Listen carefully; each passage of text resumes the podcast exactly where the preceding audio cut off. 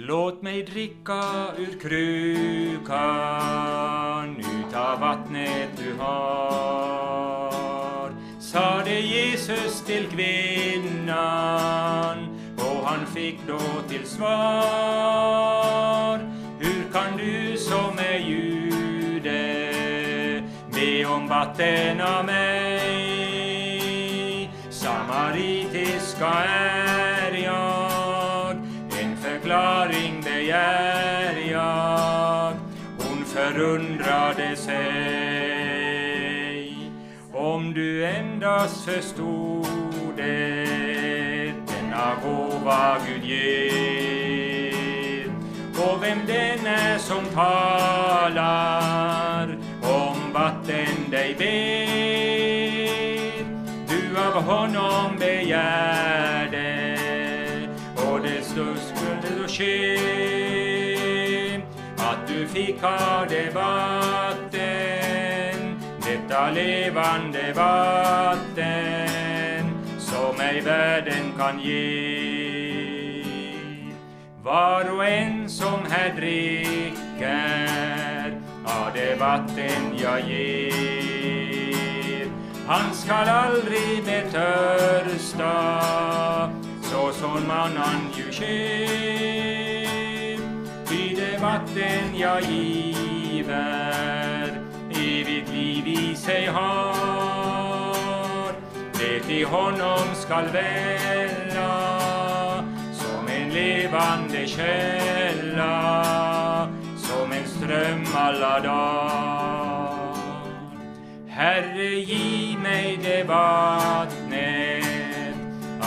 att är slut, så jag slipper att ha det som jag haft det förut. Denna kvinna blev bönhörd och det blir även du. Med som kvinnan den dagen och Guds gåva mottag den, för löftet gäller ännu. Kvinnan den dagen och Guds gåva mottag den, löftet gäller ännu.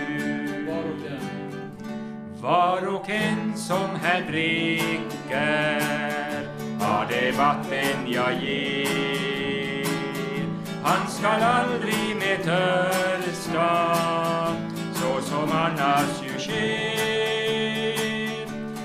Det vatten jag giver, evigt liv i sig har, det i honom skall välla som en levande källa, som en ström alla dagar. Det i honom skall välla, som en levande källa, som en ström alla dagar.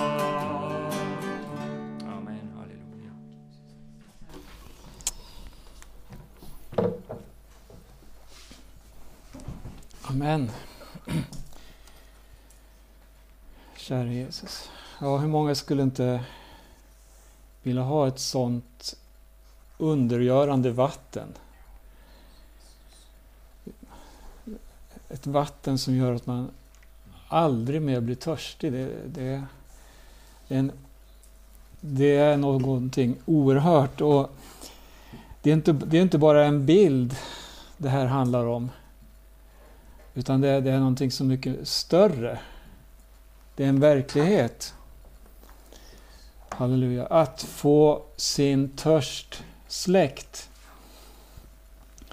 Och eh, det här kan vi... Skulle, vi skulle kunna använda det här inom många områden när det gäller våra liv. Just det här, det, det, det, finns så mycket vi hungrar efter, som vi längtar efter att ha och som vi vill uppnå. Det finns så många saker som vi ja, så gärna skulle kunna se som en realitet, någonting vi har lyckats genomföra och, och så kämpar vi och strävar för att nå dit fram. Men här talar vi om någonting som är så mycket större. Det är när Jesus får komma in i ditt hjärta.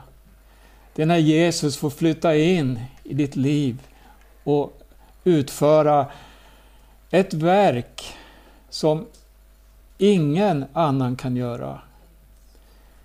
Som inga materiella saker kan göra, som ingen social trygghet kan åstadkomma. Ja, det, det, det är någonting så revolutionerande, någonting så fantastiskt så att det, det, det till och med gör, åstadkommer saker som är helt omöjligt för något av det som finns i den här världen att åstadkomma. Amen. Ja, välkommen. Käre Jesus. Och jag ska hålla mig lite kring de här tankarna. Och jag satte en rubrik på det här studiet. Jesus förvandlar ditt liv. Halleluja. Och, och vår källa, det är Bibeln. Vi läser Guds ord. Och när man läser Guds ord och Bibelns undervisning så finns det ett centrum i det budskapet. Någonting som är A och O rakt igenom hela Bibeln. Det är just det här eh, som handlar om Jesus. Halleluja. Han finns med från början av Bibeln ända till slutet. Bibelns undervisning om Jesus, en gång till, det är A och O i, i skriften. Halleluja. Om, om, om vi bara eh, nämner något från skapelseberättelsen så, så står det ju där om att Gud skapade och det var gott det han gjorde. Han sa var det ljus, det vart ljus. Och så kan vi följa skapelsedagarna. Men så står det så här också att Gud sa låt oss göra. Och det här, just det här uttrycket har satt griller i huvudet på eh, teologer och fritänkare. Vilka oss, om Gud är en? Ja, men det finns någonting oerhört stort här. Gud, han är en. Gud är och förblir densamme, alltid. Men Gud, det inrymmer så oerhört mycket. Vi har Gud som är vår far. Men Gud är också eh, genom Jesus Kristus, vad ska vi säga? Han är vår frälsare. Och Jesus Kristus, han är genom den nya födelsen, genom det du och jag har fått uppleva, så är han vår bror. Halleluja. Vi är nya skapelser i Jesus. Och när vi läser det här, Gud sade, låt oss göra människor till vår avbild. Så uttrycker det någonting om Guds oerhörda kärlek till människan. Om hur han i, i, redan i skapelseberättelsen så, så, så kommer det här till uttryck utav hur han vill ha gemenskap. Gud vill ha gemenskap med sin skapelse. Och speciellt då människan som han satte i sin skapelse. Halleluja. Och något av det mest underbara, men samtidigt det mest tragiska som man läser då,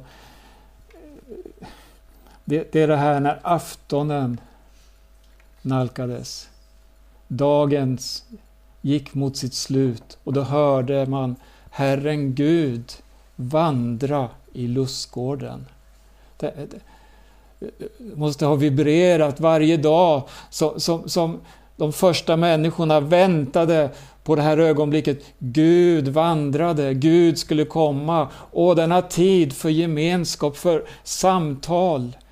Man skulle få konversera och umgås på det sättet med Gud. Men det tragiska vid det här tillfället som Bibeln berättar, det, det var ju det här att människan, hon gömde sig för Gud. För synden hade kommit in i människan. Och, och det här kan vi läsa om i Första Moseboks tredje kapitel. Käre Gud. Men redan direkt efter syndafallet så manifesteras det här att Gud vill ha gemenskap. Och Gud han visar en väg. Gud vill försoning. Här har vi nu en fallen människa. Men Gud han ger botemedel. Vi ser en naken människa som, som eh, försöker klä sig själv genom löven som finns. Hon fäster fikonlöv på sig. För att man, man är skamfull helt plötsligt. Tidigare så levde man i den här obrutna gemenskapen med Gud, men nu var man skamfylld. För man såg att man var naken. Man såg sin nakenhet. Man var ett offer för synden. Man var märkt och hade förlorat den här gemenskapen med Gud. Men ändå, mitt i det här, så vad gör Gud? Han ger kläder. Han, han, han är... Det står att han ger Adam och Eva kläder av skinn. Och vad säger det oss? Jo, ett, någon har fått sätta livet till för att klä människan. Och det här är en sån oerhörd bild på Guds handlande. Det spelar ingen roll hur svår situationen är. Oavsett synd så finns det ett botemedel. Det står om Jesus så här. Lammet som är slaktat från världens grundläggning.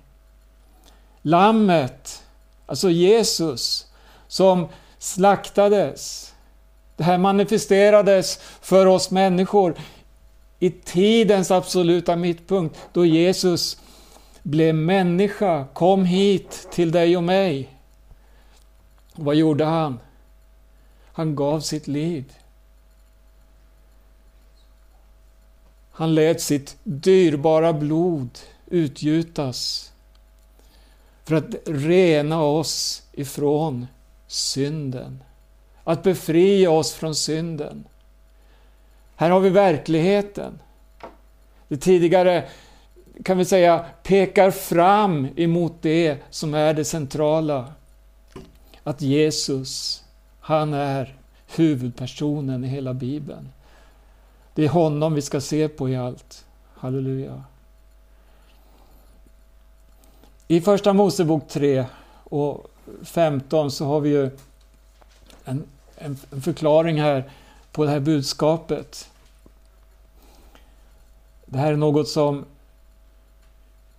är eh, ja, den första profetian kan man säga om Herren Jesus Kristus. Jag ska sätta fiendskap, sa Gud till ormen, mellan dig och kvinnan, mellan din avkomma och hennes avkomma. Han ska krossa ditt huvud och du ska hugga honom i hälen. Alltså en fiendskap mellan ont och gott. En fiendskap mellan död och liv, kan vi säga. Käre Gud. Han har krossat ormens huvud. Det är ett faktum. För Jesus, han har vunnit seger över synden, över döden. och på det sättet gjort det möjligt för varje människa att få denna gemenskap med Gud som gick förlorad vid syndafallet. På vad sätt då? Det, det, på ett sätt är det så löjligt enkelt. Men samtidigt är det så svårt för många människor, för vi komplicerar och vi är så bundna i den här tiden. Men det, det är oerhört enkla, klara, glädjens budskap, det är det här. Tro på Herren Jesus Kristus, så blir du frälst. Det här har många människor fått uppleva. Och det här har många kunnat ge vittnesbörd om. Att från den stund man säger sitt ja till Jesus, då är det som att tunga bördor faller av.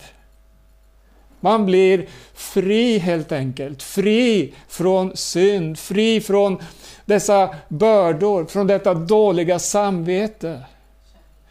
Inte genom att försöka Eh, smussla undan eller förändra någonting i sitt liv och dölja skavanker och så vidare. Nej, man blir en ny skapelse. För när Gud kommer och gör ett under i en människas liv, då står det att han skapar liv. Och det Gud skapar, det består. Det är livet. Det är ett nytt liv. Det är för evigt. Halleluja. När vi läser den bibliska historien så finns det många sådana här eh, vittnesbörd vi skulle kunna lyfta fram. Och vi ser hur Guds plan, den framträder allt eftersom eh, tiden går. Så ser man tydligare och tydligare vad det är Gud har i beredskap. Jag ska säga några ord här om Abraham. Och så ska jag ta något exempel från Mose också. Abraham, han levde i ett, vad ska vi säga, det kaldeiska ur, står det i Bibeln. Och där, där var man kända måndyrkare. Men där ifrån det kaldeiska ur så, så, så får Gud tag i en människas öra. Det, det här är viktigt. Han, han, han, får, han får uppmärksamheten på något sätt. Det står inte hur det gick till. Men Abraham, han, han var ett lyssnande öra. Han hörde Guds röst mitt i detta, ska vi säga, denna avguda värld. Där man tillbad månen eller, och, och hade sina, sin kultur och sitt sätt att leva, sitt sätt att ha Gudsstyrkan och så vidare. Där fanns Abraham och han nås av en direkt kallelse av Gud. Det står så här i Första Mosebok 12. Det, det, det, det, jag vill eh, hålla fokus på, det är det här vad som händer då Gud får tala till ditt hjärta. För då händer det verkligen saker i ditt liv. För han är en levande Gud. Och Det står i Första Mosebok 12 och 1. Herren sade till Abraham. Gå ut från ditt land och din släkt och din fars hus och bege dig till det land som jag ska visa dig. Där ska jag göra dig till ett stort folk. Jag ska välsigna dig och göra ditt namn stort och du ska bli en välsignelse. Jag ska välsigna dem som välsignar dig och förbanna dem som förbannar dig. I dig ska jordens alla släkten bli välsignade. Det här, det här budet fick Abraham utav Herren Gud. Och eh, det, det, det stora här är att när man läser om Abraham, det står att han trodde Gud. Han tog till sig budskapet. Han öppnade sig för vad Gud hade sagt till honom. Och det gav resultat. Han blev förvandlad. Han fick en helt ny håg. Tidigare, allt det han hade omkring sig, vi vet inte om han var less på allting och eh, trött på livet där eller, eller om han hade, hade det bra, levde gott. Det står ingenting om det. Men det står att då Herren Gud kom in i hans liv, då hände det saker. Då fick han en ny vision. Då fick han en ny glöd. Någonting tändes inom honom som gjorde att det här måste jag få mer av. Någonting som sa, jag vill möta denne Gud. Jag vill följa honom. I, det, det, står i, i Stefanus tal så här, han som blev den första kristna martyren i Apostlagärningarna 7. Det står han, han, då han talar inför Saulus, alltså den sedermera Paulus och andra. Då står det så här, han säger Härlighetens Gud uppenbarade sig för vår fader Abraham i Mesopotamien. Alltså, härlighetens Gud uppenbarade sig. Halleluja. Tror du att han kan uppenbara sig för ditt hjärta? Tror du att han kan vara med och bära din sorg? Och ta del av de bördor du har? Tror du att han kan få ge ditt liv en ny inriktning?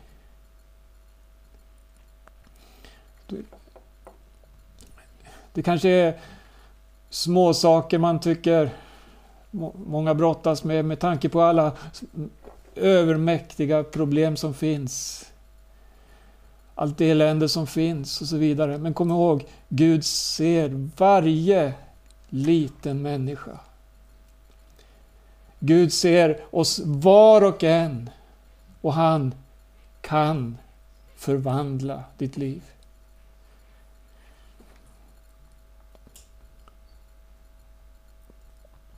Mose, eh, han fick ju vara med om något liknande.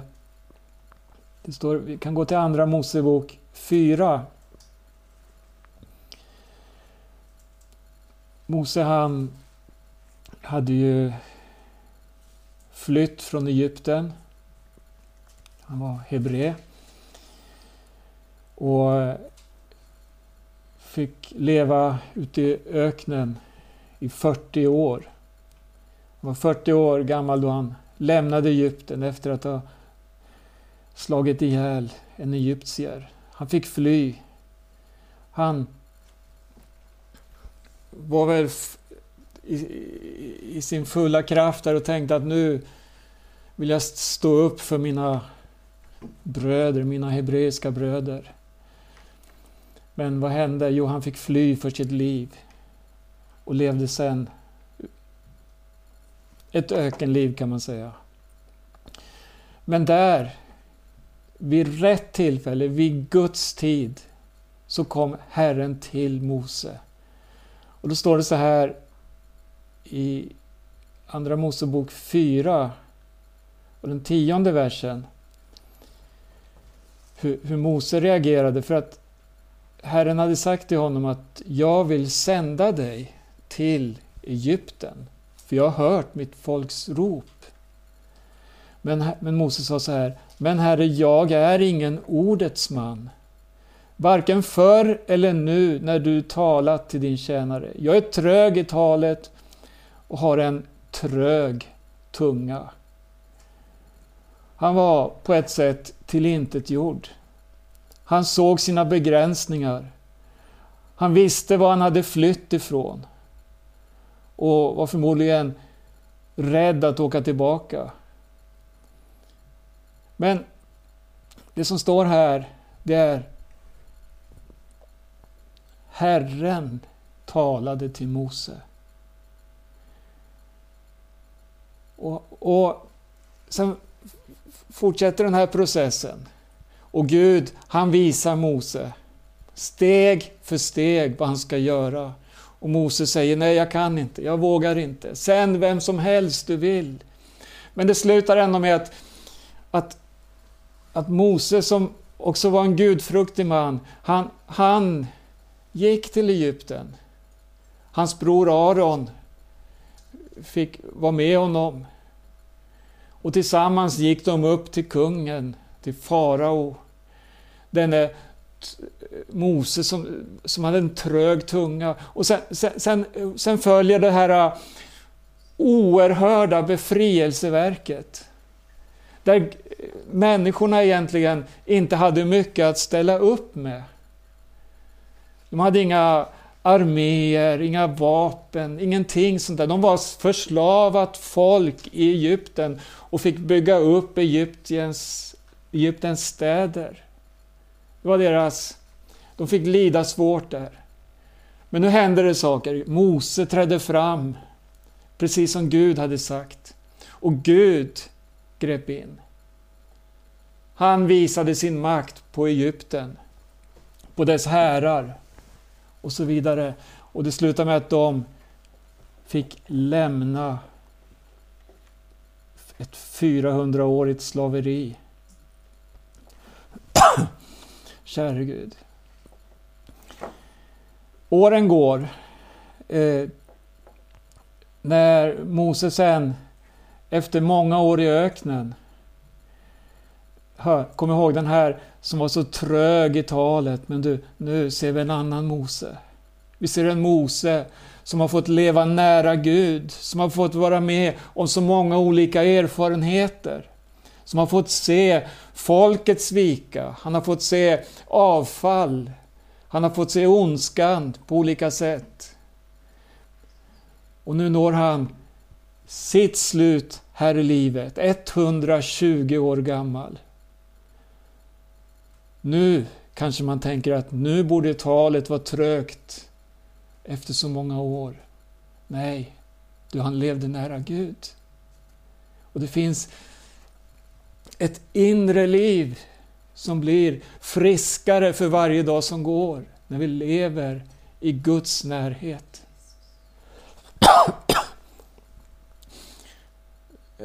Slå upp femte Mosebok 32.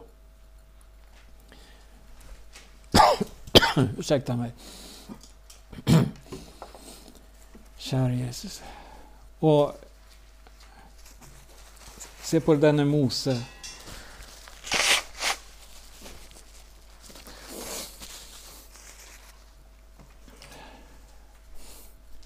Hör hur han säger här i första versen. Lyssna, ni himlar, jag vill tala. Hör du jord, min muns ord. Som regnet ska min lära droppa, som daggen ska mitt tal flöda. Som rikligt regn på grönska, som regnskurar på gräs. Herrens namn ska jag förkunna, ge ära åt vår store Gud. Han är klippan, fullkomliga är hans gärningar, för alla hans vägar är rätta. En trofast Gud utan svek, rättfärdig och rättvis är han. Jag har svårt att se en trög Mose, alltså en som är trög i talet med en trög tunga. Nej, här flödar orden ut i tacksägelse. Här flödar orden ut som förhärligar Gud. I den finaste poesi. Vilken förvandling! Tänk att ha en sån ledsagare med sig i livet. Tänk att få leva ett sånt rikt Kristusliv. Det är möjligt. Gud vill uppfylla din varelse med sin helige Ande.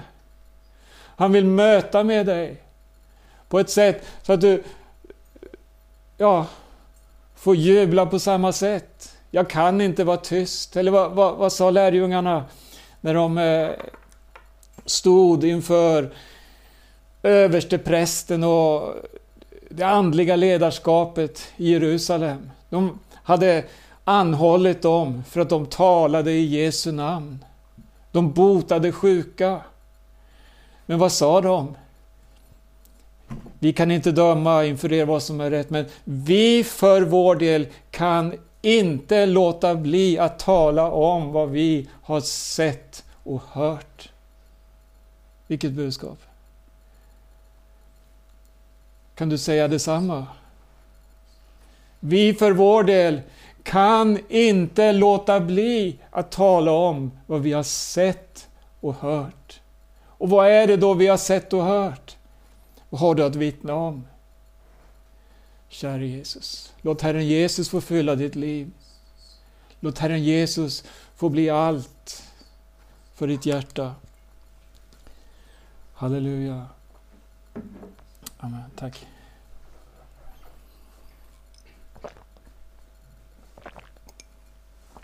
Det finns många sådana här exempel i Bibeln att lyfta fram. Och eh, Vi kan tala om eh, kungar, vi kan tala om Saul, David, Samuel.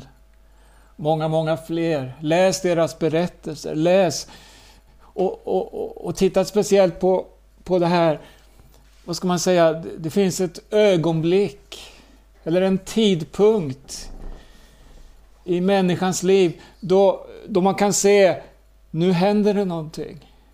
Jag tänker på Saul.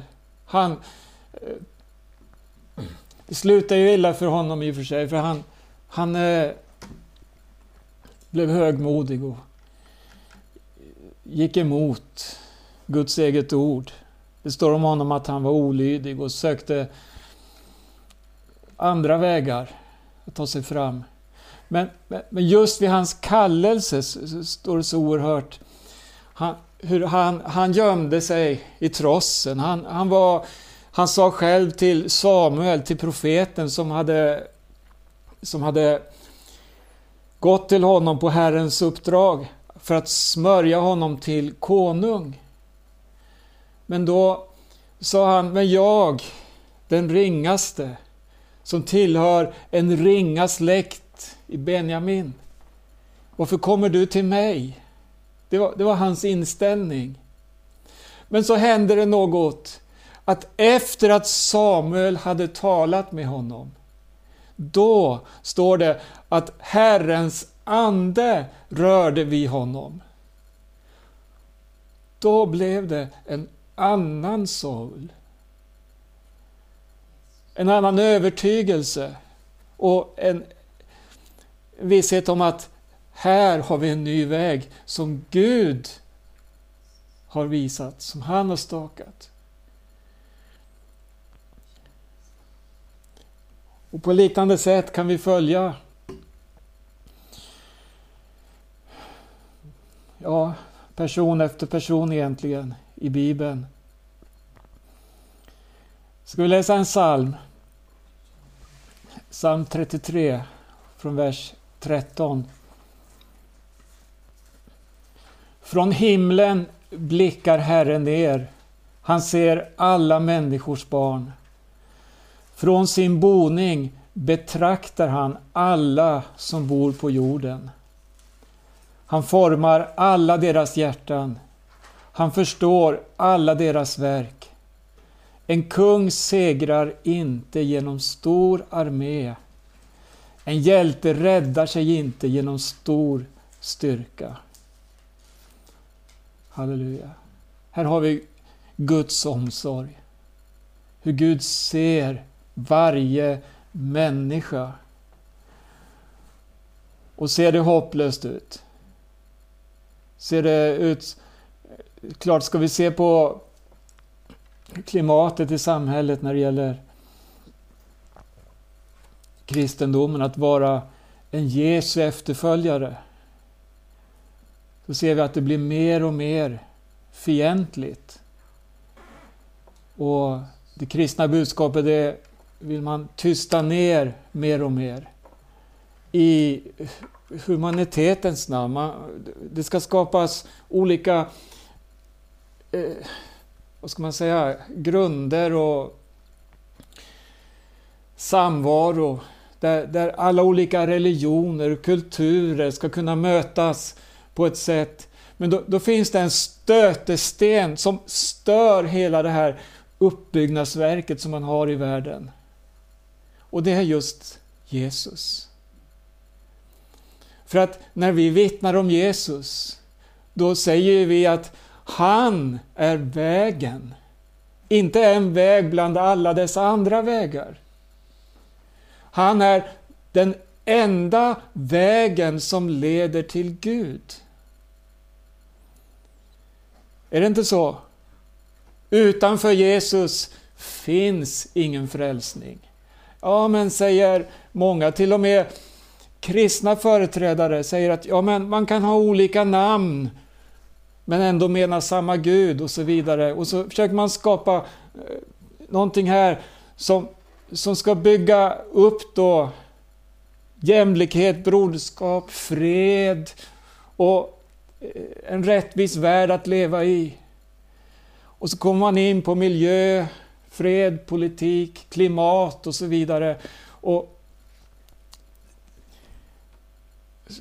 på det här sättet ska man rädda då planeten och mänskligheten.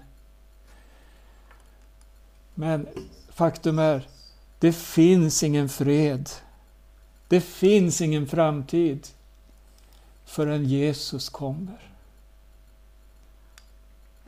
Utan Jesus finns det ingen trygghet för någon människa. Eller sann glädje. Eller... Han är verkligheten. Han är livet. Han är vägen, sanningen och livet. Han sa det själv. Och vi, vi kan vittna om det, för vi har fått möta honom. Och vi önskar inget heller än att också du ska få möta Jesus om du inte har tagit emot honom. Halleluja.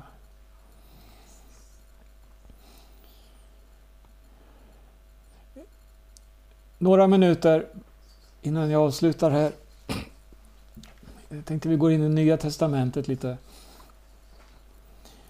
Och eh, vi sjöng här eh, tidigare och hörde några ord av Stig-Erik om den samaritiska kvinnan. Och hon är en av många som vi kan läsa om som fick möta Jesus. Det finns så många vittnesbörd i evangelierna och också i breven som som talar om vad som händer då Jesus möter en människa. Till och med hans fiender, de, de som eh, ja, är ute för att tillfångata honom. Eh, vi kan läsa ett tillfälle här i Johannes 7 vers 45. Här, här man var ju så förargad på Jesus som eh, talade på ett sätt så att människor drogs i skaror till honom. Han var så speciell. Hans ord, hans gärningar. Han, han var unik helt enkelt. Det fanns ingen som Jesus. Och så står det i Johannes 7.45, tempelvakterna kom tillbaka till översteprästerna och fariseerna som frågade dem varför har ni inte fört hit honom? De svarade Aldrig har någon människa talat som han. Det var deras vittnesbörd. De vittnade här också om Jesus. Inte utifrån vad de hade lärt sig, inte utifrån deras uppdrag. Nej, det kom in någonting i deras liv som ruckade på det. Hon störde. Och de såg, ingen har talat som honom. Käre Gud. Men då sa fariséerna, har ni också blivit förledda? Finns det någon bland rådsherrarna eller fariséerna som tror på honom? Men den här folkhopen som inte kan lagen, den är förbannad. Det var en reaktion. Man, man förbannade hela folket för att de lyssnade på Jesus. Men Jesus när han talade, vem kan stå emot? När han kallar, vem kan säga nej? När Jesus kommer till dig, förhärda inte ditt hjärta, utan säg ditt ja till honom. Ta emot honom och du kommer att få uppleva att han är den han säger sig vara. Halleluja. Eh, I Apostlagärningarna, Paulus, han hette ju Saulus först. Jag kan slå upp kapitel 9. Det står om honom hur han andades hot och mordlust. Eh, jag reagerar på det här ordet, jag har inte tänkt på det så mycket för just lust att mörda. Det, det är väldigt starkt. Vilket hat! Vilken iver, vilken nit han hade att förfölja Jesu lärjungar. Eller de som var på den vägen. Det står så här, kapitel 9 då. Salu som fortfarande andades hot och mordlust mot Herrens lärjungar gick till översteprästen och bad att få med sig brev till synagogorna i Damaskus. Om han kunde finna några som tillhörde vägen, män eller kvinnor, skulle han få fängsla dem och föra dem till Jerusalem. Men, här ändras någonting. Hör. När han på sin resa närmade sig Damaskus strålade plötsligt ett ljus från himlen omkring honom. Han föll till marken och hörde en röst som sade till honom Saul, Saul, varför förföljer du mig? Då frågade han Vem är du, Herre? Rösten svarade Jag är Jesus, den du förföljer. Oj, oj, käre Jesus. Den här mäktige Saulus med fullmakt och han steg allt högre i graderna i sin karriär, i sin tjänst. Men du, här mötte han sin överman. Han mötte inte det vapen han vanligtvis var van att ta till. Den här politiska makten, det här stödet från den religiösa eliten, från det judiska samhällets ledare. Eller från de romerska legionerna som också var med och samarbetade för att de skulle kunna tillfångata Jesu lärjungar. Nej, inget av detta eh, mötte han här. Han mötte en ny kraft. Inte politisk eller militär, eller på något sätt åt det hållet. Han fick möta Herren Jesus själv. Och några ord ifrån Jesus. Det knäckte denne Saul. Varför förföljer du mig? Vem är du, Herre? Jag är Jesus. Vad är det för stämma som här talar? Några få ord till den här Saulus som var så bevandrad i skrifterna. Som var så lärd, så övertygande i sitt uppdrag. Så får han höra nästan som en viskning eller några få ord. Och han kapitulerar helt och hållet. Det är Jesus. Han som kan förvandla, han som kan göra allting nytt i en människas liv. Käre Jesus. Ja, det är denne Jesus jag vill att du ska få tag på. Jag vill avsluta med några ord i Sakarja. Det fjärde kapitlet. Sakarja är en väldigt aktuell profetisk bok. När den skriver om Jerusalem, när den skriver om dagar som ska komma. Den, den, den presenterar framtiden på ett sätt som, som ingen politiker kan göra. Eller som ingen världshärskare kan skapa. Nej. Här, här läs Sakarja bok och spegla den i den tid vi lever. Du kommer att bli förvånad. Men nu ska vi ha bara ett kort citat här i fjärde kapitlets sjätte vers. Här är Herrens ord till Zerubabel. Varken genom styrka eller makt, utan genom min ande, säger Herren Sebaot. Det var där striden stod. Striden stod inte om att upprätta ett nytt rike här eller där, om att bygga ett tempel i Jerusalem, eller att eh, vem ska ha rätt i olika strider och fejder. Nej, du, Människosläktets historia, det är fullt av död och förintelse och utrotning och den mest grymma förföljelse, också i Guds namn. Allt det kommer att möta sitt öde, sin dom. Gud kommer att hålla dom över all orättfärdighet. Alla människor ska stå inför honom en dag. Alla ska stå till svars. Men här står det om en makt som är så mycket större, för den kan bryta de här bojorna. Du kan bryta de här banden till det här destruktiva samhället vi lever i. Varken genom styrka eller makt, utan genom min ande. Vem är du, stora berg? Fortsätter texten. Inför Serubabel ska du bli jämn mark och han ska föra fram slutstenen under höga rop. Nåd, nåd över den. Ja, käre Jesus.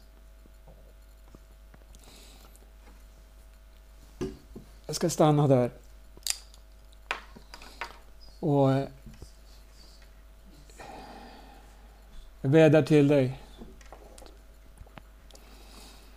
Ta emot Jesus om du inte har gjort det. Låt han få bli Herre i ditt liv. Din frälsare. Halleluja. Han kan förvandla allt. Ska vi be det tillsammans? Vi tackar dig Fader i himmelen. Halleluja. Tack Herre att vi får gå till ditt ord Herre. Och Herre, tack att du kommer till den som har ett förkrossat hjärta Herre. Herre Jesus, du känner varje människa innan och utan Herre. Och vi ber dig nu Herre. Någon ska öppna sitt hjärta för dig, ta emot dig i sitt liv Herre. Och få bli en ny skapelse. Vi prisar och lovar dig Herre Jesus Kristus. Tack för seger i ditt namn Herre. Du ser var och en, du ser kampen, du ser striden Herre. Och jag ber för församlingen Herre Jesus, för syskon vi har på olika platser Herre. Vi ber för missionen Herre, missionsfälten Herre. Vi prisar ditt underbara namn Herre. Hjälp oss Herre att fullborda vår uppgift här i tiden. Till dess att du kommer igen. I Jesu namn. Amen.